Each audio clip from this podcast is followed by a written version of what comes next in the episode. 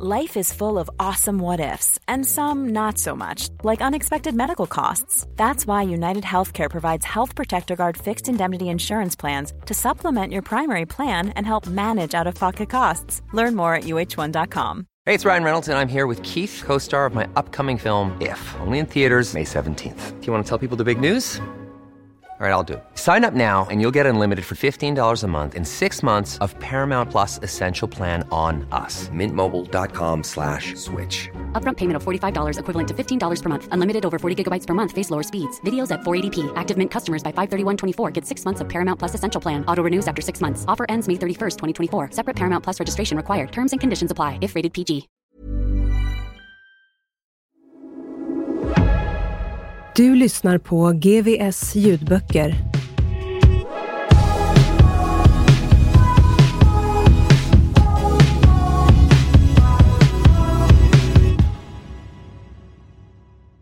Träningspasset. Roland satt i biblioteket, djupt försjunken i sin fåtölj med ett stadigt glas lagrad rom.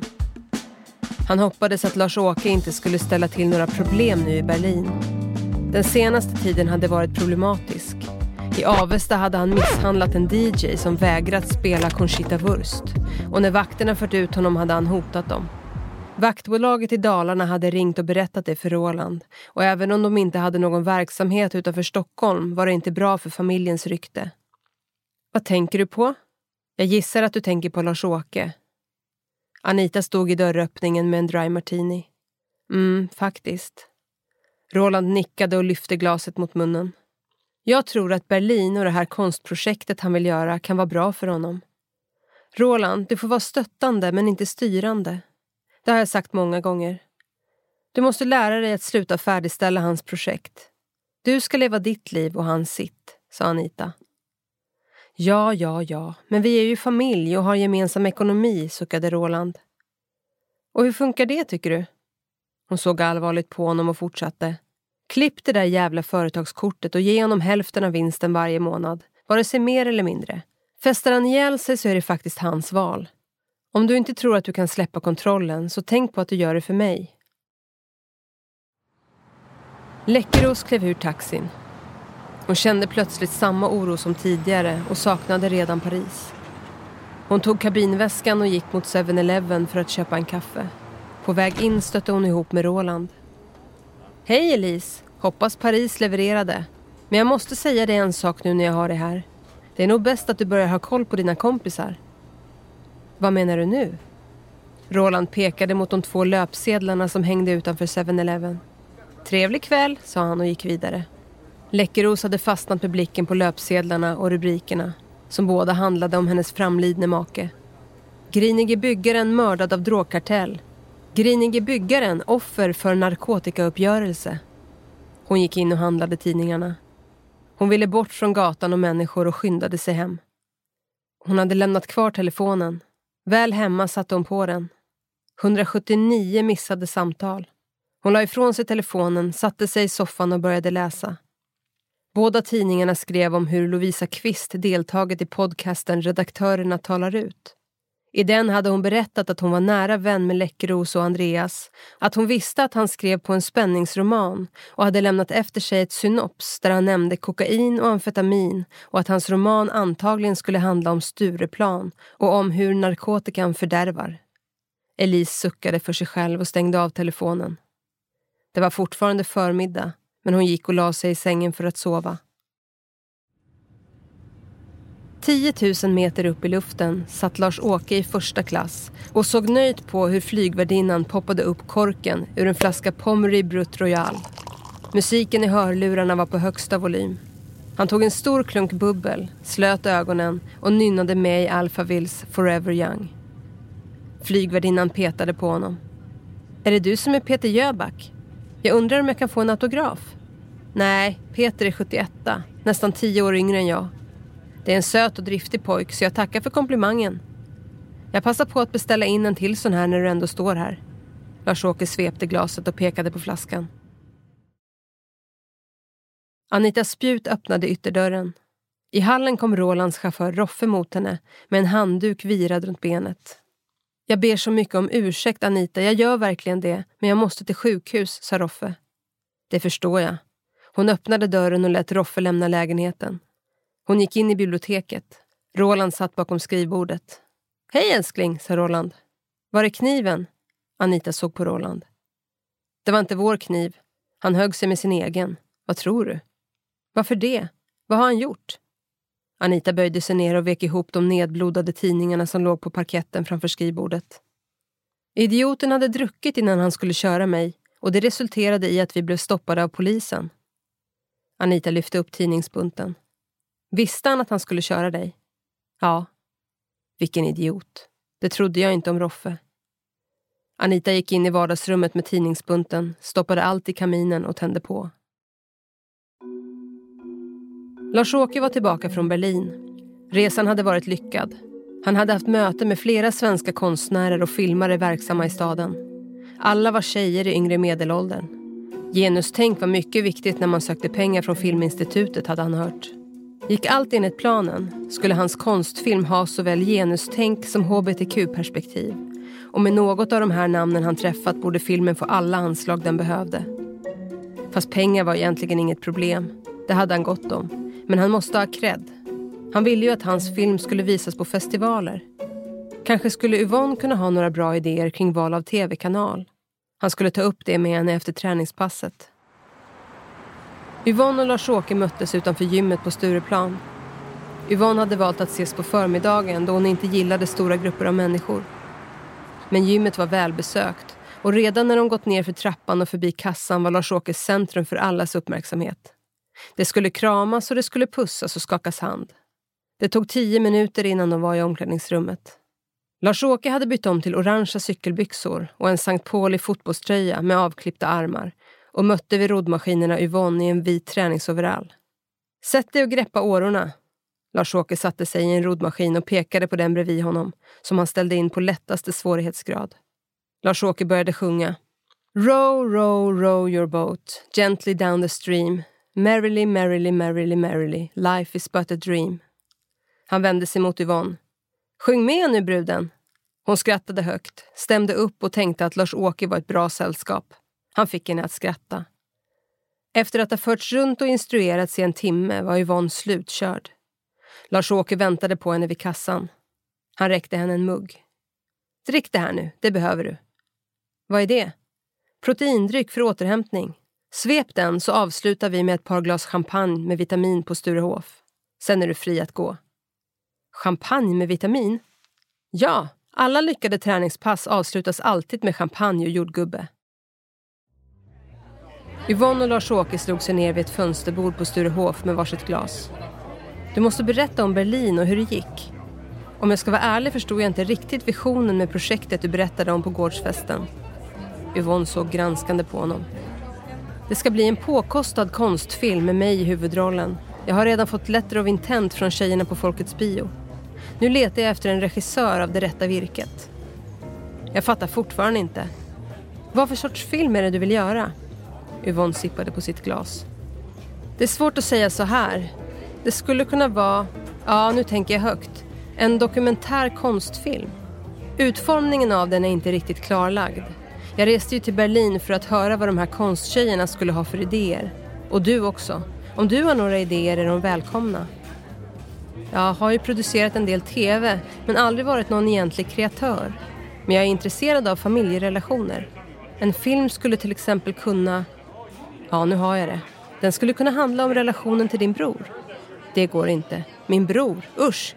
Man ska inte göra konst av familjemedlemmar, sa Lars-Åke tvärt. Jo då, det går visst. Yvonne kände hur alkoholen började ta färg. Hon var inte van att dricka alkohol på fastande mage. Efter en stunds tystnad fortsätter Lars-Åke lågmält. När jag var 19 och min bror 31 dog pappa. Brorsan och jag startade då för arvet våra klubbar. Homosexklubbarna som jag kickade igång var särskilt lukrativa. Homosexualitet var inte accepterat på den tiden så alla bögar kom till oss som var anonyma och kanske lite illegala. Roland skötte porrdistributionen, strippklubbarna, restaurangerna och ekonomin. Men det här låter ju jätteintressant. Fortsätt, Yvonne nickade. Trots att han bara var där som hastigast för att inspektera bögklubbarna, säg en gång i månaden, är det som om vi gjort allt tillsammans och att han alltid har styrt och ställt. Konst är ett område jag har haft och vill ha för mig själv. I fråga om affärer har jag alltid varit i skuggan av Roland. Det är bara att acceptera. Hela stan vet vem han är. Så du vill ha uppmärksamhet för det här projektet, sa Yvonne. Ja, när du säger det så. Kanske är det så. Men uppmärksamhet för något som betyder något på riktigt. Konst ska vara på riktigt. Lars-Åke fick något osäkert över sig och fortsatte. Även om jag inte klarar av att göra det själv. Facebook. Det var sen morgon och Elise Läckeros låg vaken i sängen när det ringde. Det var Lovisa Kvist. Vi har ett break i utredningen, nästan skrek hon. Vilken utredning, sa Elise. Jag talar om mordet på Andreas, sa Lovisa och fortsatte. Nu samlar jag tjejerna.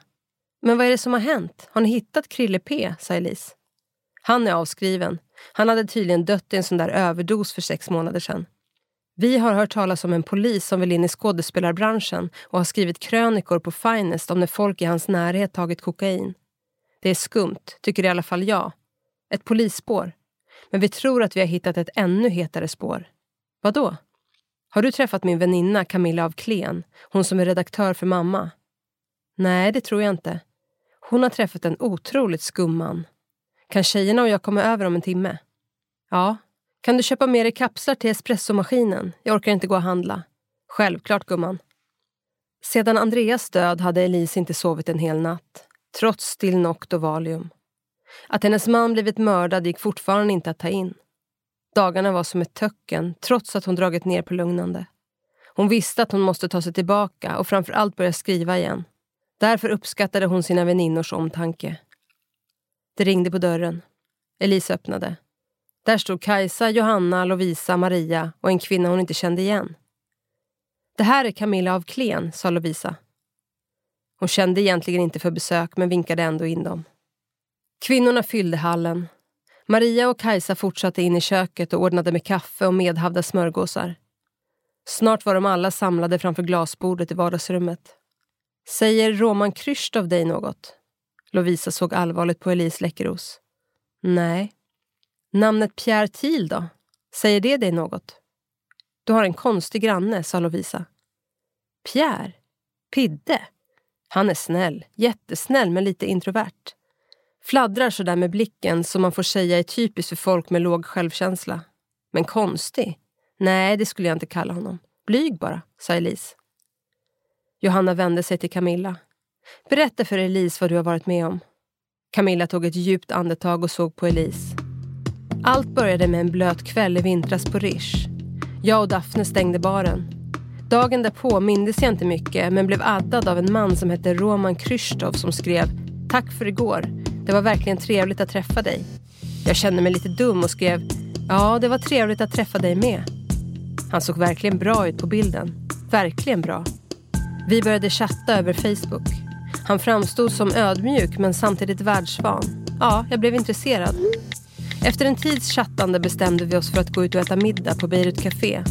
I samband med det avslöjade han att han inte alls heter Roman Krystov utan Pierre Thiel och att profilbilden inte var hans egen. Anledningen han gav var kidnappningsrisken på grund av hans fars position inom europeiskt näringsliv. Han skickade en bild på sitt rätta utseende. Han såg fortfarande okej okay ut, även om bilden var suddig. Så jag gick med på middag trots att jag i och för sig tyckte att det hela kändes märkligt. Och sen på restaurangen frotterar sig människan med gangstrar, insköt Maria. Avbryt inte Camilla, sa Kajsa. Ja, låt henne berätta färdigt. Fortsätt, sa Lovisa och höjde kaffekoppen mot Camilla som tittade uppåt och försökte minnas. Vi sågs utanför Beirut Café. När vi satt oss kom den svenska gudfadern Roland Spjut som jag skrev under min praktik på Expressen och verkade vara bästa kompis med Pierre. Går jag för fort fram? Vet ni vem det är? Ja, honom har man ju läst om, sa Maria. Camilla fortsatte. Pierre förklarade att de var grannar. En stund senare fick Rolands bror, som också är där, ett utbrott och jag tror han ska misshandla servitören. Och det verkade Pierre tycka var helt i sin ordning. Han reagerade inte ens. Och så kom denna galna bror fram och tackade Pierre för hjälp med kontakten, vad han nu menade med det, och ville betala vår nota. Jag tänkte bara, hjälp, vad är det här? Under middagen pratade vi bara om jobb, barn, resor. Men så fort man förväntade sig någon form av personligt svar bytte han samtalsämne. Han är väldigt, väldigt undflyende. Som jag förstod det försvarar han också amfetamin som självmedicinering. Jag kollade hans taxering på Ratsit. Med den inkomsten är det märkligt att han kan ha så dyra kläder. Han sa i och för sig att han spelade nätpoker, men ändå. Hans pappa sitter i styrelsen för Egmont men är absolut ingen europeisk näringslivstopp. Berätta om det här med Facebook, insköt Kajsa. Det är så hemskt, sa Maria. Jävla catfish, sa Johanna. Lovisa skakade på huvudet och såg Elise djupt in i ögonen. Sen tog hon till orda. Jag ska berätta för er. Efter att Camilla ringt och berättat att hon träffat den här Pidde så kollade jag på Facebook hur många gemensamma vänner jag och hans alias Roman Krzysztof har. Två. Jag ringde båda och båda hade blivit kontaktade av vår vän Roman med orden “trevligt att träffas igår”. Lovisa höjde sina händer, formade dem till vinkande kaninöron och fortsatte. Men inte nog med det. Gå in på Facebook och kolla hans sida. Han är vän med rockstjärnor, författare, skådespelare och politiker som Fredrik Federley och Annie Lööf.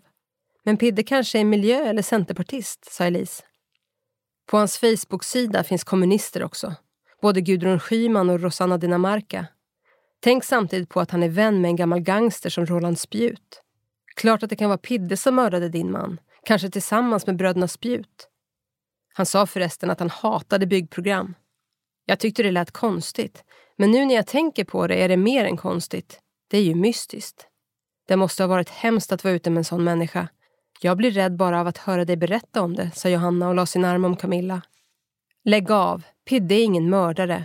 Ni har sett för många tv-serier. Andreas är död. Och det här är ingen jävla lek. Har ni något vettigt att komma med ska ni gå till polisen, sa Läckeros. Men sa du inte att han hatade byggprogram? Lovisa vände sig till Camilla. Ja, ungefär så uttryckte han det. Okej, okay, han hatar byggprogram. Då måste han nästan mena Andreas, sa Maria. Men gör det någon till mördare om man ogillar ett tv-program, suckade Elise. Hur som helst så får vi hålla koll på honom på sociala medier. Se bara till att ha en viss distans, sa Lovisa. Lars-Åke ringde frenetiskt på dörrklockan. Anita öppnade. Var är brorsan? I biblioteket. Med bestämda kliv gick Lars-Åke in i rummet. Nu fanns sparka vi kusinerna, utbrast han. Vad har hänt? Roland reste sig ur fåtöljen. Vet du vad jag har spenderat natten? Nej. På Kronobergshäktet. Vad har du nu gjort? Jag satt på Sturehof och drack bubbel. Nettan ringde och ville att jag skulle komma till häktet, klubben på Hornsgatan. Jag ringde Arturo. Idioten skjutsade mig till Kronoberg och parkerade bakom en polisbil. När jag klev ut snubblade jag till och blev lobbad. Och i förra veckan hittade inte Cesar till Nationalmuseum. De är jävla tomtar. Varför ska vi ha en taxifirma när de inte kan skjutsa oss dit vi ska? Du satt på Sturehof, sen blev du skjutsad till häktet och omhändertagen för att du var för full. Hur mycket hade du druckit egentligen? Roland såg allvarligt på honom. Jag hade bara börjat, ett par flaskor bubbel. Jag kan inte minnas senast jag drack ett par flaskor vid ett och samma tillfälle. Arturo har kört dig till fel adress men du kunde lika gärna ha blivit omhändertagen på Hornsgatan. Flytta inte fokus från att du blev lobbad, sa Roland bestämt. Pidde vaknade och sträckte sig efter sin iPad som låg på nattduksbordet. Den röda lilla fyrkanten på Facebook-appens logga signalerade om fyra nya händelser. Han tryckte på appen och hajade till. Fyra nya vänförfrågningar. Han klickade vidare och såg till sin förtjusning att det var från fyra kvinnor. Maria Andersson, Johanna Gyllenstierna, Kajsa Rudén och Lovisa Kvist. Han accepterade alla. Äntligen hade det lossnat. Månader av slit hade gett resultat. Folk, och särskilt kvinnor, måste se honom som intressant. Han gick in i duschen. Medan han tvålade in sig såg han profilbilderna av de fyra nya Facebook-vännerna framför sig. Han hade en gemensam vän i Camilla af Klen med två av dem. Även om han kände att dejten med Camilla gått bra så hade hon inte hört av sig och det trots att han skickat ett sms och tackat för den trevliga kvällen. Med två av dem hade han också en gemensam vän i Annie Lööf och Birgitta Olsson. Den enda han inte hade någon gemensam vän med var tv-producenten Johanna Gyllenstierna. När han klev ut ur duschen hade han bestämt sig. Han skulle gå rakt på sak. Han skulle bjuda ut henne. Han skulle slå på stort. Gondolen, Stans bästa bartenders och stans bästa utsikt. Han gick in på Facebook och skrev till henne. Hej Johanna, du verkar vara en intressant person. Jag är på gondolen på fredag. Har du lust att ses över en drink runt klockan 19?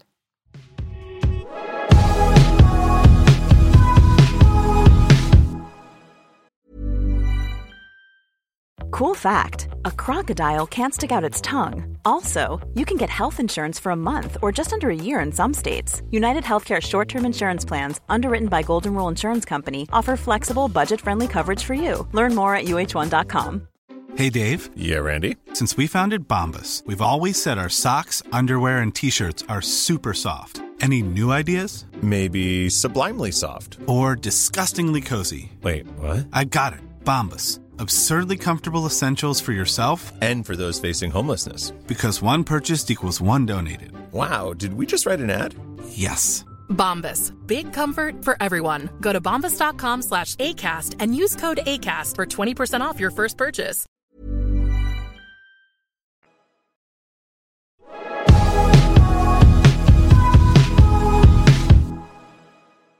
Lars-Åke och Roland var klara med sitt veckomöte och lämnade biblioteket. Roland gick ut i vardagsrummet och satte på A Night in Tunisia med Dizzy Gillespie och Lars-Åke gick ut i köket där Anita stod och lagade ett långkok på högrev. Du som växte upp i radhus där i Vällingby. Vad ska jag göra åt min dåliga grannsämja, sa Lars-Åke. Vad är problemet? Anita vände sig mot honom. De klagar på att jag festar, spelar för hög musik och har för hög volym när jag ser på tv-serier. Allt klagar de där jävla grannarna på. Grannarna? Du har ju bara en. Tänk på oss, vi har ju ett helt hus av dem, sa Anita. Ja, mina är ett hipsterpar. Reklamare som beter sig som om de är födda på 1800-talet. Problemet är väl att du faktiskt festar, Lars-Åke? I och för sig. Men det här har blivit så jobbigt att jag funderar på att flytta. Men så har jag ju en så jävla massa grejer att jag inte orkar packa ner skiten i lådor. Men Lars-Åke, låt grannarna flytta. Köp ut dem. De här unga människorna och deras bostadsklipp, det lär inte bli några problem. Att jag inte har tänkt på det. Du är ett geni. Lars-Åke slöt händerna om Anitas huvud och gav henne en puss på kinden. Sedan släppte han henne och rusade ut till Roland i vardagsrummet. Snart var han tillbaka med ett nöjt leende. Vad sa Roland? sa Anita. Han tyckte det var en bra idé, för bostadspriserna ökar ju hela tiden och om man använder radhuset till förråd så sliter man inte ut något. Allt är nybyggt. Så får ni problem när vinden ska byggas så kan ni köra över sakerna till mig. Nu har jag snart ett 114 kvadratmeter stort förråd i två plan och inga jobbiga grannar. Lars-Åke skuttade ut i köket och lämnade Fulgatan. Alla familjer i föreningen Dovhjorten hade samlats i Ulfs kontor. Det var sista mötet innan semestern. Mötet var viktigt. De hade valt den byggherre som hade lagt det högsta budet på vinden. Nu var det dags. Var majoriteten av föreningen beredda att sälja? På första raden av plaststolar satt Edvin, Eva, Roland, Pidde och Madeleine. På andra raden satt Olle, Georg och bakom dem Yvonne och Elise. Ulf satte sig bakom skrivbordet och förklarade mötet öppnat. Innan vi går in på försäljningen av vinden vill jag uttrycka min besvikelse över att det är så få som är delaktiga i vår förening. Tre hushåll uteblev från gårdsstädningen. Jag skulle gärna vilja höra en förklaring här och nu. Pidde räckte upp handen. Ulf nickade mot honom. Jag försov mig. Jag ber om ursäkt och vill gärna hjälpa till om det är något annat som ska göras. Kom ihåg att ställa väckarklockan nästa vår. Jag tycker ni måste flagga med mer lappar. Jag blandade ihop datumen, sa Madeleine. Jag påminde er på det senaste mötet. Det borde räcka. Du får köpa en kalender om du inte kan använda den i telefonen, sa Ulf. Hans blick fastnade på Georg. Han fortsatte. En bostadsrättsförening är dess medlemmar. Vi har alla ett ansvar. Vi styrelseledamöter är också medlemmar och det är vi medlemmar som gemensamt bär ansvaret. Du, Georg, och du, Marianne, ni är också medlemmar. Ni bär också ansvar. Jag försökte verkligen få tag på en städerska, för vi delar i vanliga fall städerska med Yvonne. Så det här var lite problematiskt, sa Marianne. Du, Marianne, har väl också två händer? Är restaurangen stängd så lagar jag väl min mat själv. Jag är faktiskt gravid, var Marianne snabb med att replikera. Men det är väl inte din make? Slut på diskussionen. Nästa år vill jag banne mig att samtliga hjälper till. Ulf slog sin träkopp i skrivbordet. Nu till vinden. Som ni alla vet har företaget Vindsförädlarna AB lämnat ett bud som är klart bättre än tidigare inkomna bud. Det ligger på cirka 25 miljoner och för de 25 miljonerna skulle vi kunna totalrenovera hela fasaden, trapphusen och innergården. Och allt detta måste göras inom kort. Ha också i beaktande att vi får en bonus i form av att taket, som är i stort behov av renovering, därigenom inte kommer att kosta oss en krona, sa Ulf. Huset står på fast grund.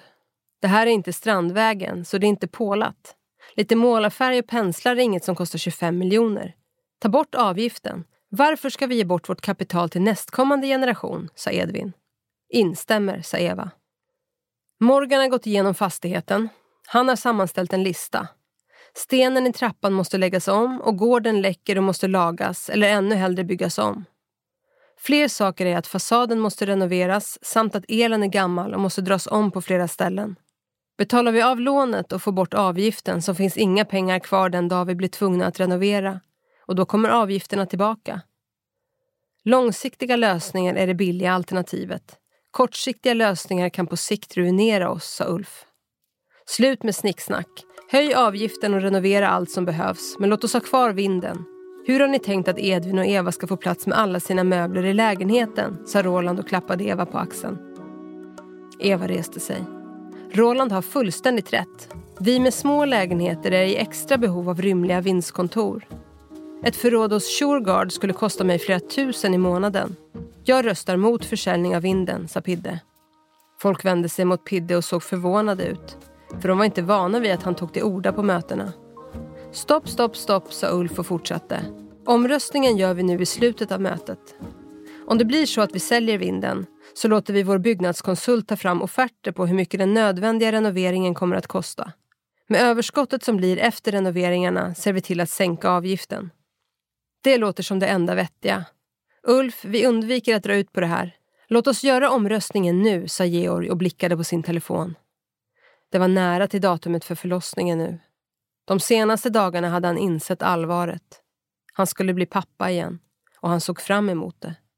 Tanken på barnet, som de inte visste könet på, hade skapat en form av orolig lycka. Barn var vad livet gick ut på. Sex, bekräftelse och allt sånt där som upptagit hans tankar alldeles för mycket var mer som en neuros eller för att bota någon form av ångest. De senaste dagarna hade allt fokus varit på Marianne och det kommande barnet. Nu ville han bara tillbaka till sin familj. Det här käbblet orkade han inte med. Ja, låt oss rösta om vilka som är för och emot en försäljning av vinden. Det andra tar vi på mötet i höst. Öppen handuppräckning, sa Ulf. Kör på, sa Georg. Föreningsmedlemmarna nickade. Ska vinden säljas? Vill du det, räck upp din hand nu, sa Ulf och räckte upp sin egen hand. Georg var först med att följa efter. En efter en räckte sedan alla utom Pidde, Roland, Edvin och Eva upp sina händer. Då var saken avgjord. Vinden säljs. Mäklare Uno Fröberg kommer vid det första mötet efter semestern den 30 augusti att presentera spekulanterna på vinstlägenheterna. Roland reste sig. Han gick fram till Olle, kupade sin hand och viskade. Kom förbi mig på en whiskypinne, chefen, så fort du är klar här. Jag går ner nu och fyller på glasen. Gärna, strax där. Olle gav ifrån sig en blinkning. Snart hade också han rest sig och lämnat familjen Stjärne. Han lämnade Fingatan, gick in i porten på Fulgatan och till första våningen och ringde på spjut. Anita öppnade. Roland väntar på dig i biblioteket. Anita vinkade in Olle. I biblioteket satt Roland och läppjade på maltwhisky. På drinkvagnen bredvid stod ett annat glas med whisky. Roland reste sig, tog Olle i hand och räckte honom glaset. Han pekade på den andra fåtöljen. Slå dig ner. Olle satte sig. For your information, nu har jag sålt av den sista Nissan-bilen och vi har gått över till Volkswagen. De där japanska bilarna är billiga och lättkörda men slits ner fort. Bättre med tysk kvalitet. Roland reste sig, gick till skrivbordet och tog ur skrivbordslådan fram ett kontrakt som han räckte till Olle. Så här ser vårt avtal med leverantören ut. Tyskarna kan, sa Olle medan han läste igenom det finstilta. Är du säker på att leasing inte är bättre? Det är ju du som lägger ut för det här. Olle blickade upp mot Roland. Att äga något är att äga något. Att avbetala något är att avbetala något. Och att hyra något är att hyra något som någon annan äger. Vi bygger vårt, inte någon annans. Georg klev ut ur entrén på Fingatan. En smärre folksamling såg ut att stå i kö framför porten. Någonting hade fått dem att stanna upp. Många såg märkbart irriterade ut medan andra framstod mer som förvånade. Georg trängde sig fram för att se vad som försiggick. Han skrattade till vid åsynen av Ulf som stod böjd över en liten Jack Russell som han försökte ikläda en blöja. Skrattet fick Ulf att titta upp. Stå inte bara där och glo. Kom hit och hjälp till. Du har ju vanan inne. Det var för länge sedan jag satte på blöjor, väste Ulf. Jag har god hand med både hundar och ungar. Släpp fram mig. Georg trängde sig fram till Ulf och hunden. Ulf räckte Georg blöjan. Medan Ulf sedan höll i hunden satte Georg på blöjan. Efter en liten stund satt blöjan som den skulle. Ulf sträckte fram handen. Tack, Georg. Vi är hundvakter och det här var jag inte riktigt förberedd på. Folket som stått och väntat började gå därifrån. Georg ville formulera något snällt att svara Ulf men innan han visste ordet av hade Ulf klappat honom på axeln och gått in i porten. Ulf klev upp för trappan och mötte Madeleine med Svenska Dagbladet i handen. Ulf, det var precis dig jag ville träffa, sa hon och fortsatte. Jag måste fråga dig hur jag ska göra med mina bolån. Hon pekade på tidningen. Bankerna ändrar amorteringskravet. Det är ingen fara. Om allt går åt helvete får du göra som jag. Betala av bostadslånen, sa Ulf, ryckte på axlarna och fortsatte. Att investera sitt kapital och ha höga bostadslån fungerar ju bara när räntan och amorteringskraven är låga. Det fattar du väl? Tårarna började rinna ner för Madeleines kinder. Men jag har inte så mycket pengar att jag kan betala mina bolån, sa Madeleine snörvlande. Nähä, sa Ulf förvånat. Madeleine kupade sina händer för ansiktet och hulkade. Ulf klappade hennes hår. Så ja, Madeleine. Jag menade inget illa. Om kraschen kommer ska jag själv försöka låna dig pengarna. Madeleine slängde sig om halsen på Ulf. Tack, tack. Du är verkligen en god människa. Lovisa och Maria satt på gondolen i de röda fåtöljerna framför baren. Där i baren stod Johanna med ett glas vin och inväntade Pidde. Lovisa gav Johanna en nick. Plötsligt klev Sveriges farligaste kokboksförfattare in i lokalen. En före detta ungdomsligist som blivit hederlig och folkkär. Lovisa reste sig, gav honom en kram och vände sig till Maria som också reste sig. Maria, det här är min vän Raoul, Sveriges farligaste kokboksförfattare. Trevligt. Maria tog honom i hand. Vill ni ha något från baren? Raoul såg på dem. Ja, två Cosmo. Lovisa höjde sitt martiniglas. Raoul gick till baren och var snart tillbaka med drinkarna och ett glas rött till sig själv. Han hade just satt sig vid bordet när Nicke kom fram och dunkade honom i ryggen. Länge sen. Kul att du kom, sa Nicke. Maria reste sig och gav honom en kram. Lovisa, det här är Nicke. Sveriges farligaste polis, sa Maria. Nicke tog Lovisas hand medan han såg frågande på Maria. Vad dricker vi, sa Nicke.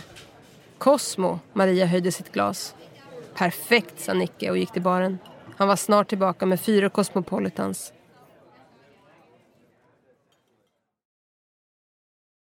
Pidde gick in mot baren. På vägen noterade han kända ansikten. Han var nöjd över valet av mötesplats. Han kände med ens igen Johanna från Facebookbilden och gick fram till henne. Visst är det Johanna? Hej Pidde! Han gav henne en kram och vinkade åt bartendern. Samma som henne. Pidde nickade mot Johannas vinglas. Bartendern räckte honom glaset. Är bordet klart? Pidde såg på honom. Ni har bokat, sa bartendern, nickade mot hovmästaren som stod bakom Pidde och Johanna och sa Tar du hand om paret här? I vilket namn, sa hovmästaren. Til. Hovmästaren förde dem till bordet vid fönstret mot vattnet. Til? Heter inte du Krzysztof? Johanna såg på honom. Nja, Thiel är mitt riktiga efternamn. Krzysztof är ett namn jag ofta använder mig av när jag spelar poker. Jag försörjer mig på nätpoker, sa Pidde. Du måste vara bra på siffror då, Johanna såg förvånat på honom. Bra och bra. Det är ett jobb som vilket som helst. Du vet aktiemäklare, statistiker, programmerare. Jaha, själv bygger jag tidningar. Den enda siffra jag jobbar med är numret på tidningen och det har hänt att jag glömt bort det. Pidde öppnade menyn och mindes vad Roland hade sagt till honom. Läs snabbt. Den första rätten du ser säger du till damen att du rekommenderar. Och glöm inte att dricksa rejält. En saftig dricks ger dig pondus.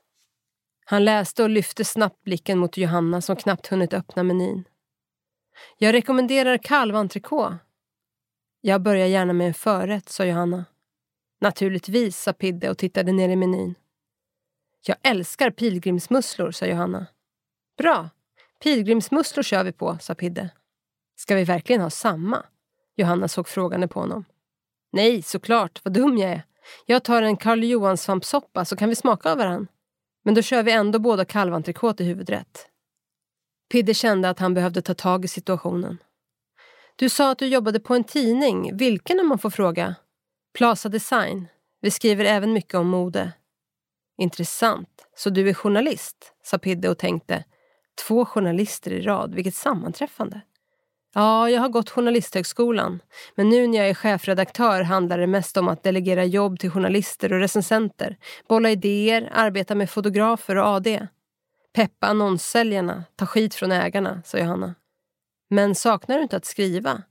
Jag trodde att det som drev journalister var att berätta historier, sa Pidde. När jag i 25-årsåldern började på en dagstidning hade jag en halv miljon läsare per dag. Men nästa dag användes tidningen till att paketera in fisk. Magasin är inte förbrukningsvara på samma sätt som dagstidningar. De är gedigna historier i lyxförpackning. Även om jag inte skriver mer än ledare och någon krönika är det ändå min produkt. Det är det kreativa, att skapa som jag gillar. Och då finns det inget som slår hundra sidor blankt papper i månaden av mitt team. Det skulle bli tråkigt om det bara blev digitaliserat i framtiden. Även om det är kul med nätet, för det utvecklar vårt tänk. Vi har börjat mycket med videoklipp. Förrätterna kom in. Är det inte Niklas som sitter där borta?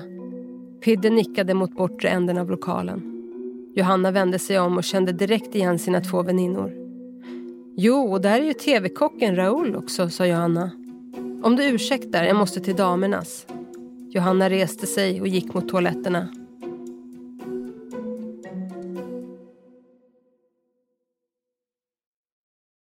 Maria och Lovisa såg Johanna glida förbi och in på toaletten. De förstod med ens vinkeln och reste sig nästan samtidigt. Att ni kvinnor alltid ska pissa i par, sa Raoul. Vi ska pudra näsan, sa Maria. Det har jag slutat med. Niklas gav ifrån sig ett lätt skratt. Johanna stod inne på toaletten och väntade. Hur går det? Maria såg allvarligt på henne. Jag vet inte. Det verkar faktiskt som om man inte ens vet hur man beställer mat. Men han verkar trevlig och är ganska söt, sa Johanna. Vad har han sagt om sig själv, sa Lovisa. Att han försörjer sig på nätpoker. Krzysztof är hans pokeralias. Maria tog upp telefonen. Den enda Roman Krzysztof jag får upp när jag googlar är hans Facebook-alias. Han ljuger, sa Maria. Vi borde avbryta. Det är psykopater som håller på så här med identiteter. Lovisa lät skärrad. Nej, jag fortsätter. Det kan vara vanligt i fråga om nätdating, sa Johanna.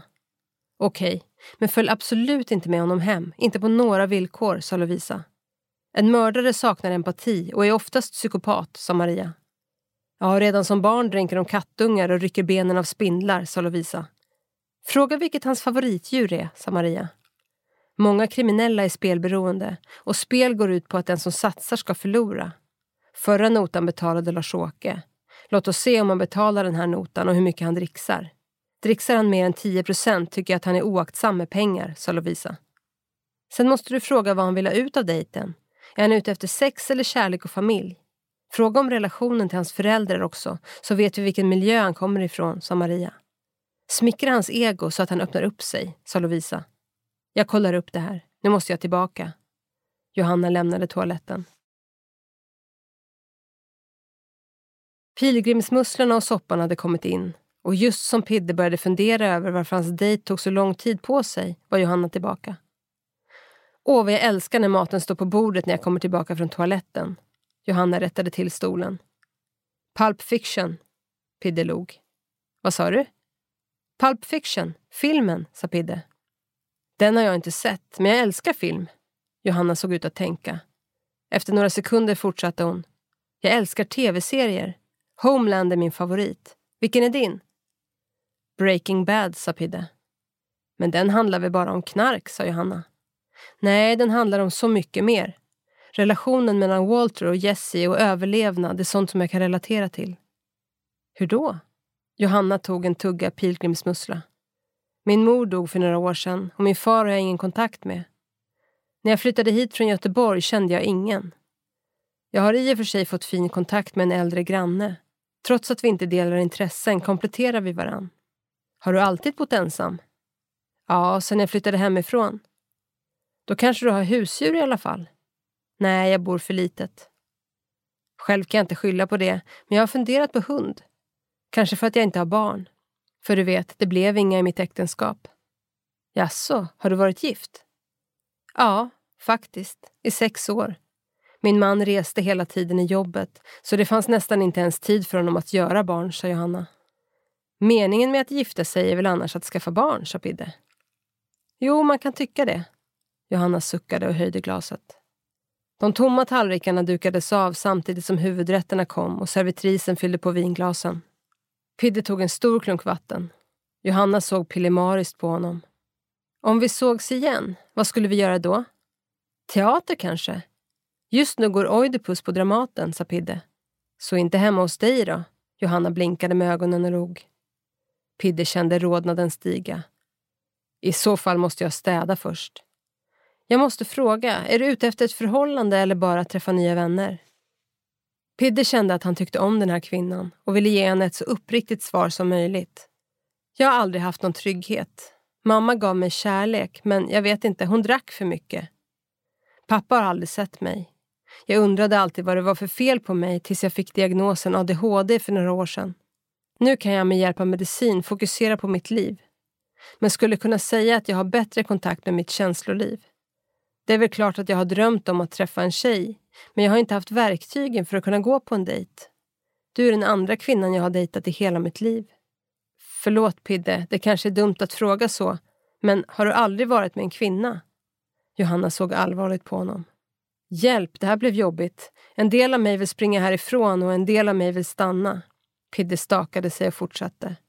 Har jag gjort bort mig helt nu? Johanna tog tag om hans handled och såg honom i ögonen. Absolut inte. Pidde såg ner på de uppätna tallrikarna. När Johanna släppt hans handled kände han en våg av ångest komma över sig. Ursäkta, jag kommer strax. Några sekunder efter att Pidde lämnat bordet ringde det på Johannas telefon. Det var Maria. Vad händer? Vi såg honom gå in på toaletten. Hur är han? Han är urgullig, sa Johanna. Låt honom inte manipulera dig. Tappa inte fokus. Johanna kände irritationen stiga. Han gillar inte djur och lider av gravt oidipuskomplex och gillar Breaking Bad och Pulp Fiction. Men han är inte en kriminell sociopat. Nu kommer han tillbaka. Vi avslutar. Låt dig inte duperas. Maria la ner luren i handväskan. Pidde kom tillbaka. Han räckte henne dessertmenyn som låg på bordet. Vill du ha dessert? Ja, gärna. Jag hoppas att du inte tycker att jag var för nyfiken. Jag tycker att du känns som en fin person och träffar dig gärna igen. Johanna tog menyn. Johanna vände sig mot servitören. En hjortronparfait. Jag tar detsamma, sa Pidde. Johanna strök handen över hans kind. Du är för gullig. Så det blir Dramaten? Min kompis sköter deras marknadsföring. Jag fixar biljetter. De skildes åt vid Slussen. Pidde stod i den ljusa sommarkvällen vid busshållplatsen och tänkte att den här kvällen var den bästa i hans liv.